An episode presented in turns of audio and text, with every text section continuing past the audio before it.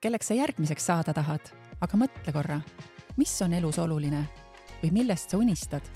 sul aitab inspiratsiooni saada TalTechi podcast, kus meie oma inimesed jagavad, kuidas sinust võib saada suurte muutuste ellu viia.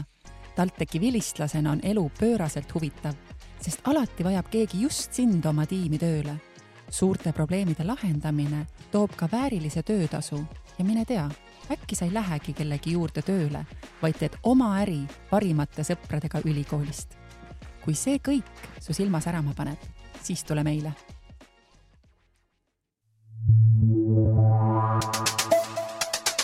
Tallinna Tehnikaülikool. tänases TalTechi podcastis taskuhäälingus keskendume digitaalsetele tehnoloogiatele ning uurime, et kuidas läbi viia digipööret või kavandada ettevõtetes järjepidevat digitaliseerimist. küsime kindlasti, et miks see on oluline ning mida pakub digimuutused ettevõttes üheaastane magistriõppeprogramm. samuti uurime, et kellele see on suunatud ning mis põnevaid teadmisi see pakub.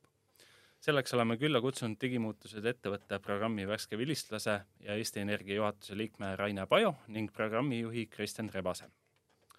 tänast saadet peab Tallinna Tehnikaülikooli infotehnoloogia osakonna juhataja Raul Hanson. aga alustuseks tahaks eh, ühe provokatiivse küsimuse küsida. Raine, sa lõpetasid kahekümne teise aasta suvel ehk oled päris värske lõpetaja. kas sa oled juba tänaseks jõudnud Eesti Energias digimuutused läbi viia? ja tere. küsimus on eh, tõesti provokatiivne. kindlasti nad ei ole läbi veel viidud ja sellest, et mina siia kursuse läbi tegin, olid kindlasti digimuutused meil juba alanud ja ka jätkuvad. aga, aga kindlasti see, et ma selle kursuse läbi tegin, andis mulle isiklikult väga palju enesekindlust ja uusi nii-öelda teadmisi, millest me kohe räägime. ja kindlasti andis see ka meie organisatsioonile ehk Eesti Energiale palju juurde, sest enne mind on seda kursust mitmed inimesed lõpetanud ja pärast mind on sinna mitmed inimesed läinud, nii et kindlasti meie nii-öelda DNA koodi, Eesti DNA koodi on see digimuutus sisse kirjutatud. väga hea, aga ma siit võib-olla jätkaks, et eh, Raine, miks sa siis eh, otsustasid selle õppekava kasuks ja mida see võib-olla sulle kõige rohkem siis andnud on? ja kui ma öö, mõtlesin, et ma töö kõrvalt öö, kandideerin sellesse magistriõppeprogrammi, siis äh, mul oli põhimõtteliselt kaks sellist motivaatorit, üks oli tööalane motivaator ja teine oli isiklik, isiklik niisugune huvi või, ja need kaks asja langesid mul kokku. tööalaselt äh, Eesti Energia on suur rahvusvaheline ettevõte, meil töötab äh, umbes viis pool tuhat töötajat ja meie strateegia baseerub nii-öelda kolmel sambal. Need sambad on siis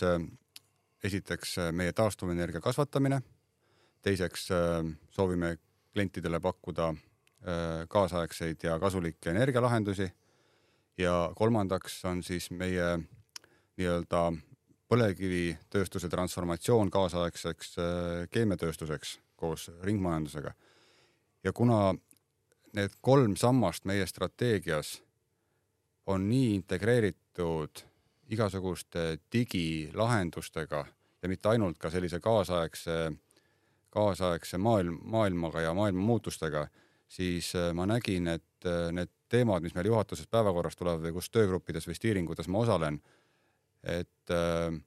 ma suudan paremini kaasa rääkida, kui ma olen selle nii-öelda kursuse läbi teinud. see oli minu see ootus, miks ma tööalaselt siia,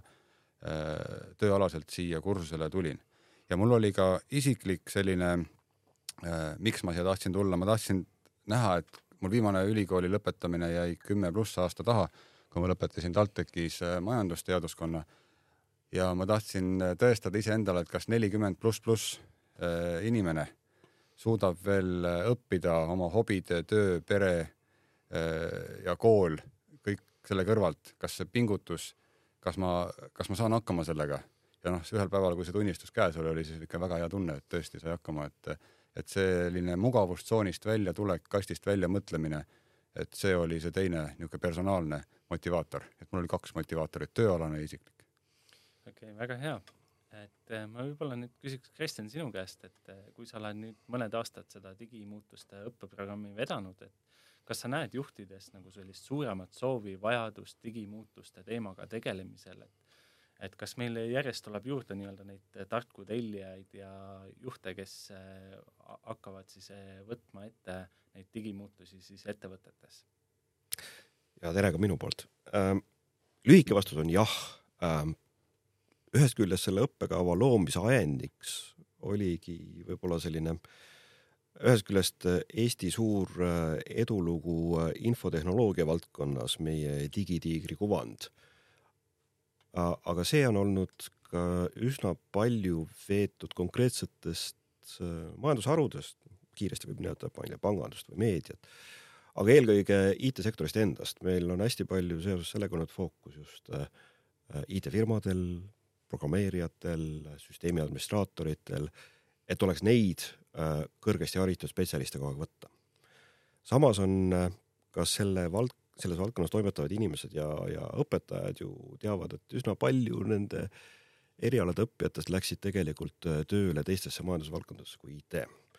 ja ilmselgelt, mida aeg edasi, seda suurem äh, mõju IT-st tuleb mitte niivõrd konkreetselt äh, arvutifirmadest endist, kuivõrd sellest, kellele nad seda oma teenust pakuvad, ehk siis kogu ülejäänud majandusest. ja sealt tuligi see loogika, et, et noh, mingit pidi võiks äh, proovida seda äh, digitemaatikat ja just sellega seotud muutusi tuua lähemale teiste valdkondade juhtidele.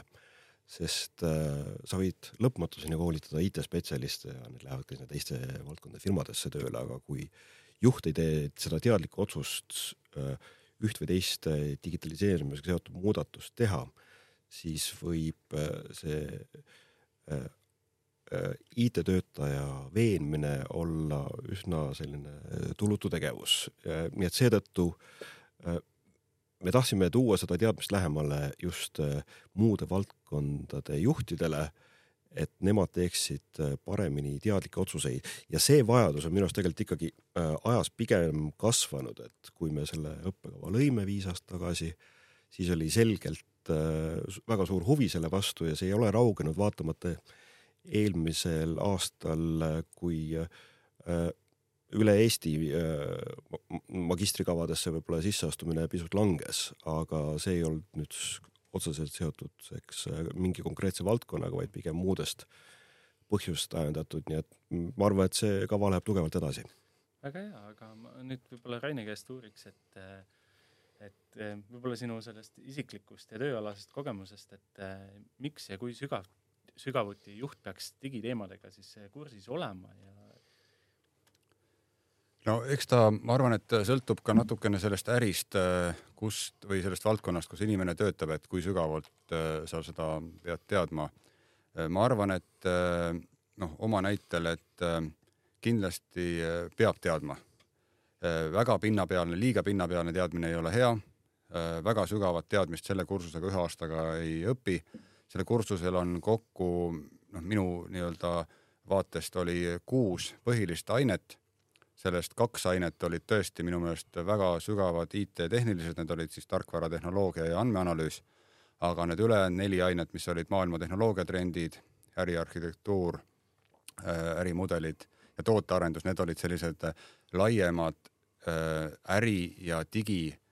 väga tihedalt seost, seostunud integreeritud ained mis näitasid, kuidas tänapäeva äri on digimaailmaga seotud ja sellest minu arvates juht peab teadma. juht on eeskujuks oma töötajatele, kui juht on ise selle läbi teinud, kindlasti ta motiveerib ka teisi sinna minema ja, ja see mõtteviis, et mõelda, mida digilahenduste abil saaks teha äris teistmoodi.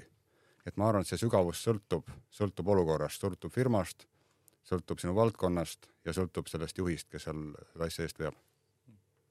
ja Kristjan. ma veel täiendaks Rainit nii palju sel, äh, sellega, et, et tingimata ei pea seda äh, digiteadmistega paremini kursisolekut võtma kui äh, vajadust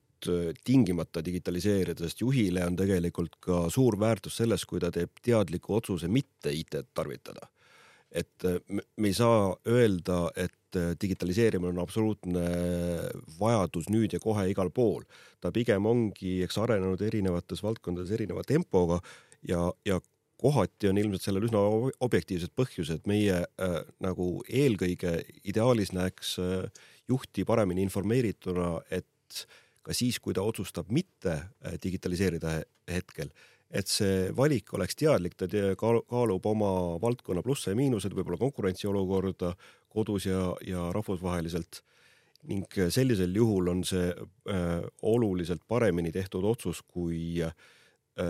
näiteks hirmu pealt või, või rahapuuduse pealt äh, äh, selle teema vältimine.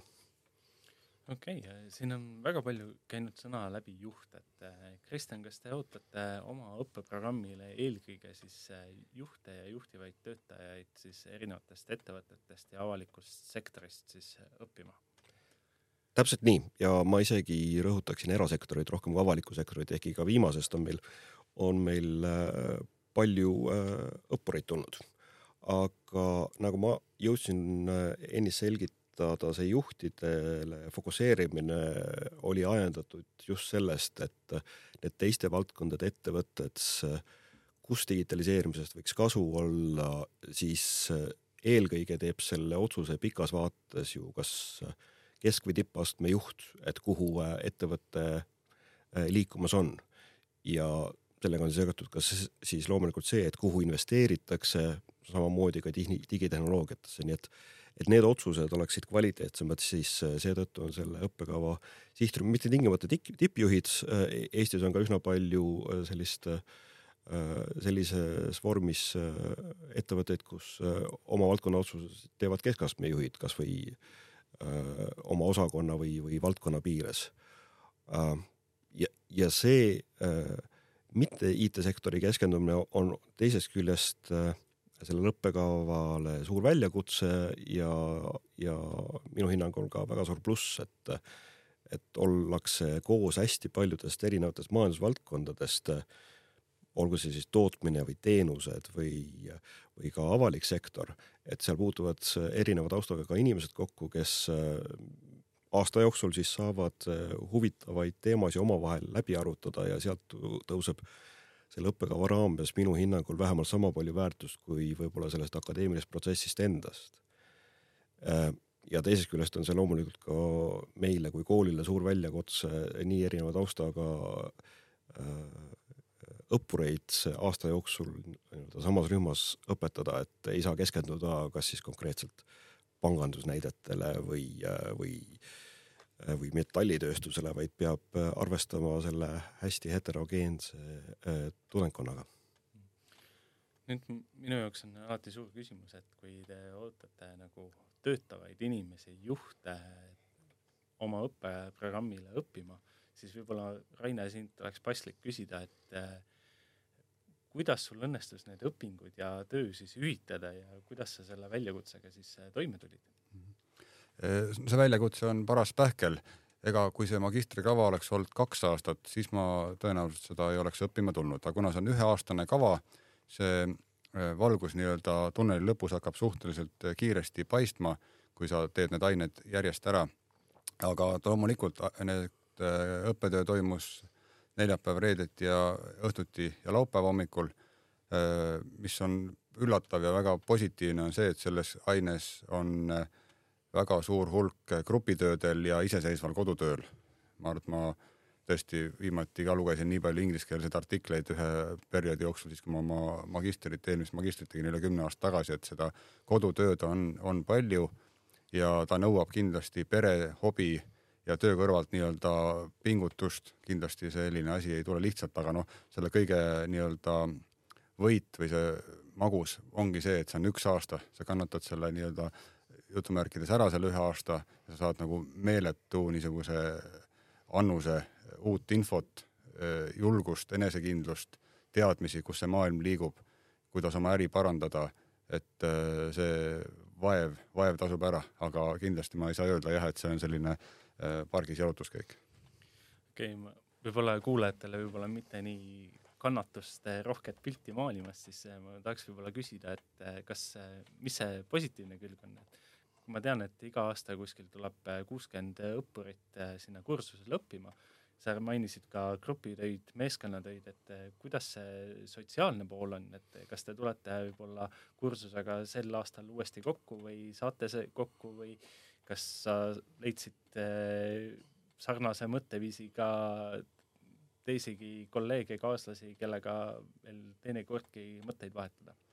ja noh, nagu ma enne ütlesin, siis enne mind on mitmed inimesed lõpetanud Eesti Energias selle kursuse. minuga oli ühel kursusel mitmed Eesti Energia inimesed ja nüüd pärast minu lõpetamist olen ma ise soovitanud ja on teised läinud, nii et see meil on tekkinud selline oma selline eh, kogukond Eesti Energia sees, kes on juba selle kursuse lõpetanud aastate jooksul. on olnud meil tagantjärgi üks suurem grupi kokkutulek, aga sellise ütleme kolme-nelja-viie inimesega käime võib-olla tihedamalt läbi ja kuna noh, Eesti Energia on suur ettevõte, siis paraku töö, töö juures ma näen oma kolleege, kes on minu grupiõed ja grupivennad, neid näen ma tihedamalt, nii et igal juhul noh, ma ei kahetse ühtegi päeva, et ma sellesse aasta siia kursusele panin. Need teadmised, see võrgustik ja, ja see kogemus, mida ma sain, see on minu arvates hindamatud, see oli nii tore uuesti minna vanast peast kooli, et kindlasti soovitan ja Rainile täienduseks, et, et lisaks tema lennule käivad kõik teised lennud, ka, ka kõige esimene aasta ehk kaks tuhat kaheksateist alustanud lend veel regulaarselt koos.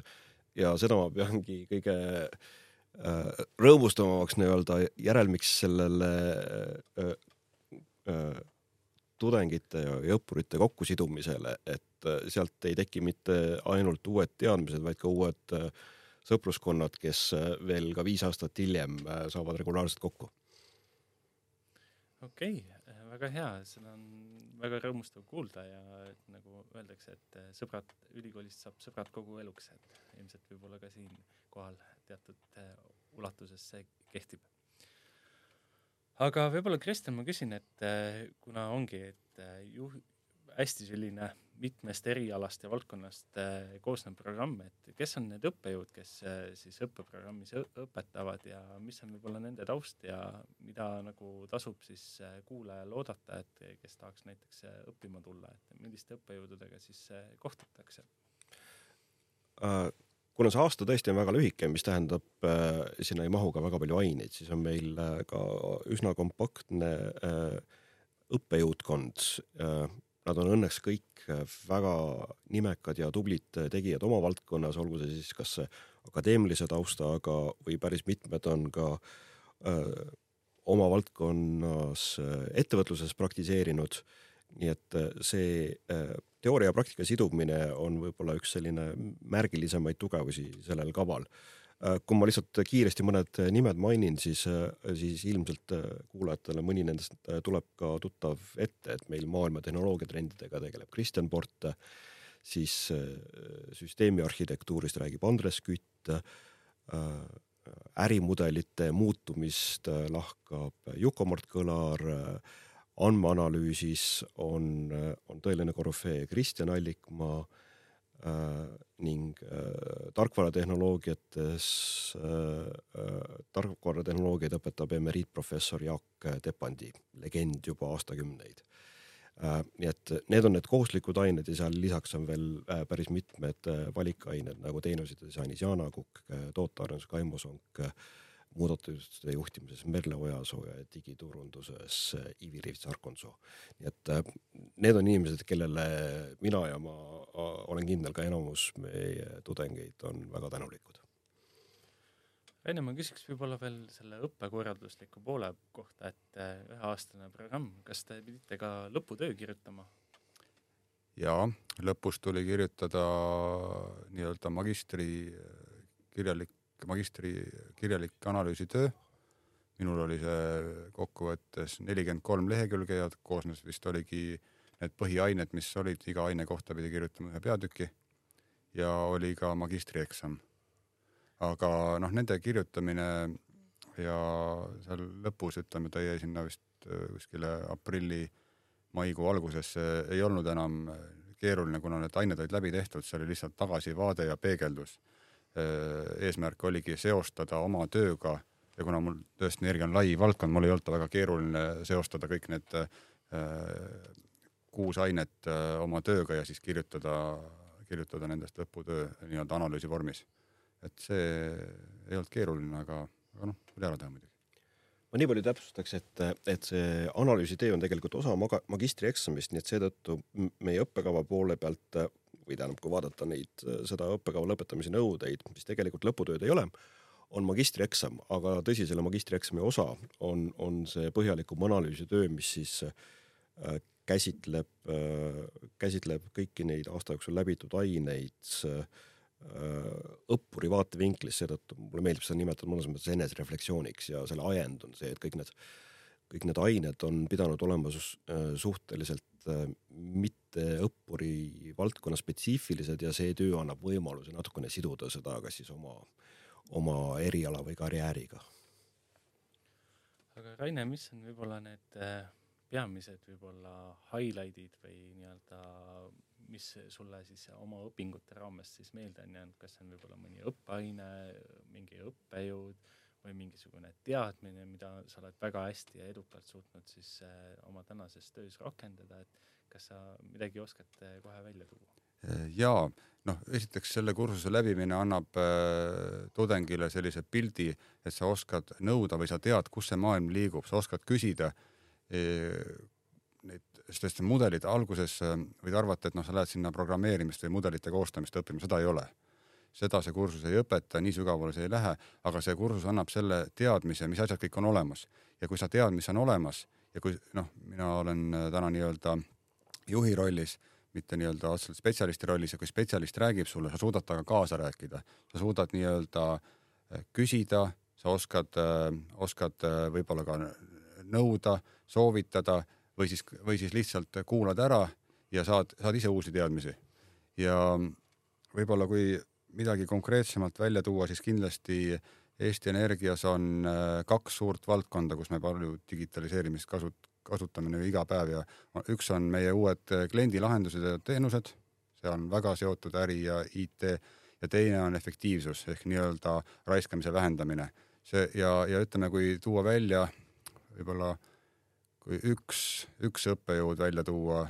siis ma tooksin välja selle, selle andmeanalüüs äh,, andmeanalüüs oli see aine. Kristjan, Kristjan Allikmaa. Kristjan Allikmaa äh,, tema aine oli, see ei ole ainult minu, vaid ka minu kolleegide arvamus, kõige nii-öelda äh, väljakutsuvam, kõige rohkem nõudis niisugust äh, pingutust, kastist välja mõtlemist, need kodutööd ja eksamid ja need olid üsna parajad pähklid, isegi minule, kui mul on inseneri taust ja ma olen ju koolis kunagi õppinud nii ka programmeerimist ja ja süsteemiteooriat ja automaatjuhtimist, et ka mul oli see paras, paras pähkel, aga tagantjärgi vaadates ma arvan, et see andmeanalüüsi aine, sellest vist võib-olla võib öelda, et oli, oli nagu äh, see teadmised ja see info, mida me sealt saime ja see kogemus võib-olla kõige kasulikum isegi kui, kui üldse ühte ainet sellest kuuest välja tuua. okei okay,, väga äge. Võib-olla Kristjan, et kui kellelgi on nüüd äh, huvi tulla siis digimuutusi õppima, et äh, mida siis kuulaja võib-olla peaks teadma, et äh, kas kuulaja peab kuidagi ennast ette valmistama, et siis õppima tulemiseks, millega ta peab veel siis arvestama, kuidas toimub see võib-olla sisseastumine siis õppekavale, ma võib-olla kõike ei jõua siin ette lugema hakata, seetõttu on ülikooli ja ka meie õppekava veebileht sisseastumisinfoga kõige parem allikas. Aga äh, paar asja ma võib-olla tooks välja, üks on see, et kuna tegemist on üheaastase magistrikavaga, siis Eesti seadustest tulenevalt on tegelikult üheks nõudeks, et seal all peab olema üks magistrikraad juba. et ootuste juhtimise mõttes on, on, on see tingimus mõttekas kohe nagu ära mainida, et, et äh, ei oleks pettumus, kui bakalaureusekraadiga äh, otse ei saa tulla sellele kavale äh,. sellel on küll alternatiiv, et kui kellelgi on väga tugev äh, juhi töökogemus juba all, siis varasema õppija töökogemuse arvestamise süsteem Eestis on päris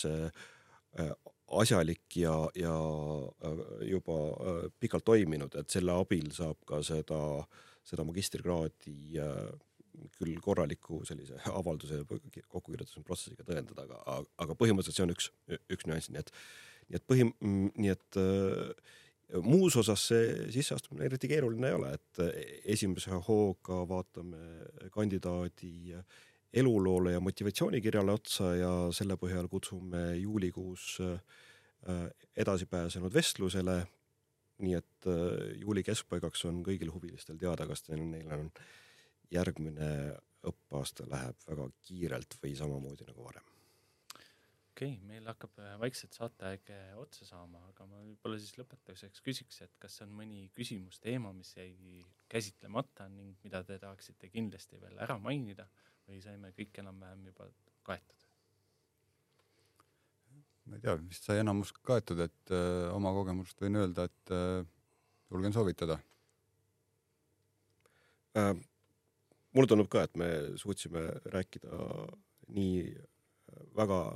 vahvast Raine isiklikust kogemusest selle õppekava raames, kui natukene kirjeldada, mis asi see äh, digimuutused ettevõtluse magistrikava üldse on ja, ja kuidas sinna pääseb, nii et ma ootan äh, võimalikult palju uusi huvilisi neljandaks juuliks sisse astuma. suured tänud teile ja siis äh, kuulake ka teisi TalTechi podcasti episoode ja tänud tulemast. aitäh kutsumast. aitäh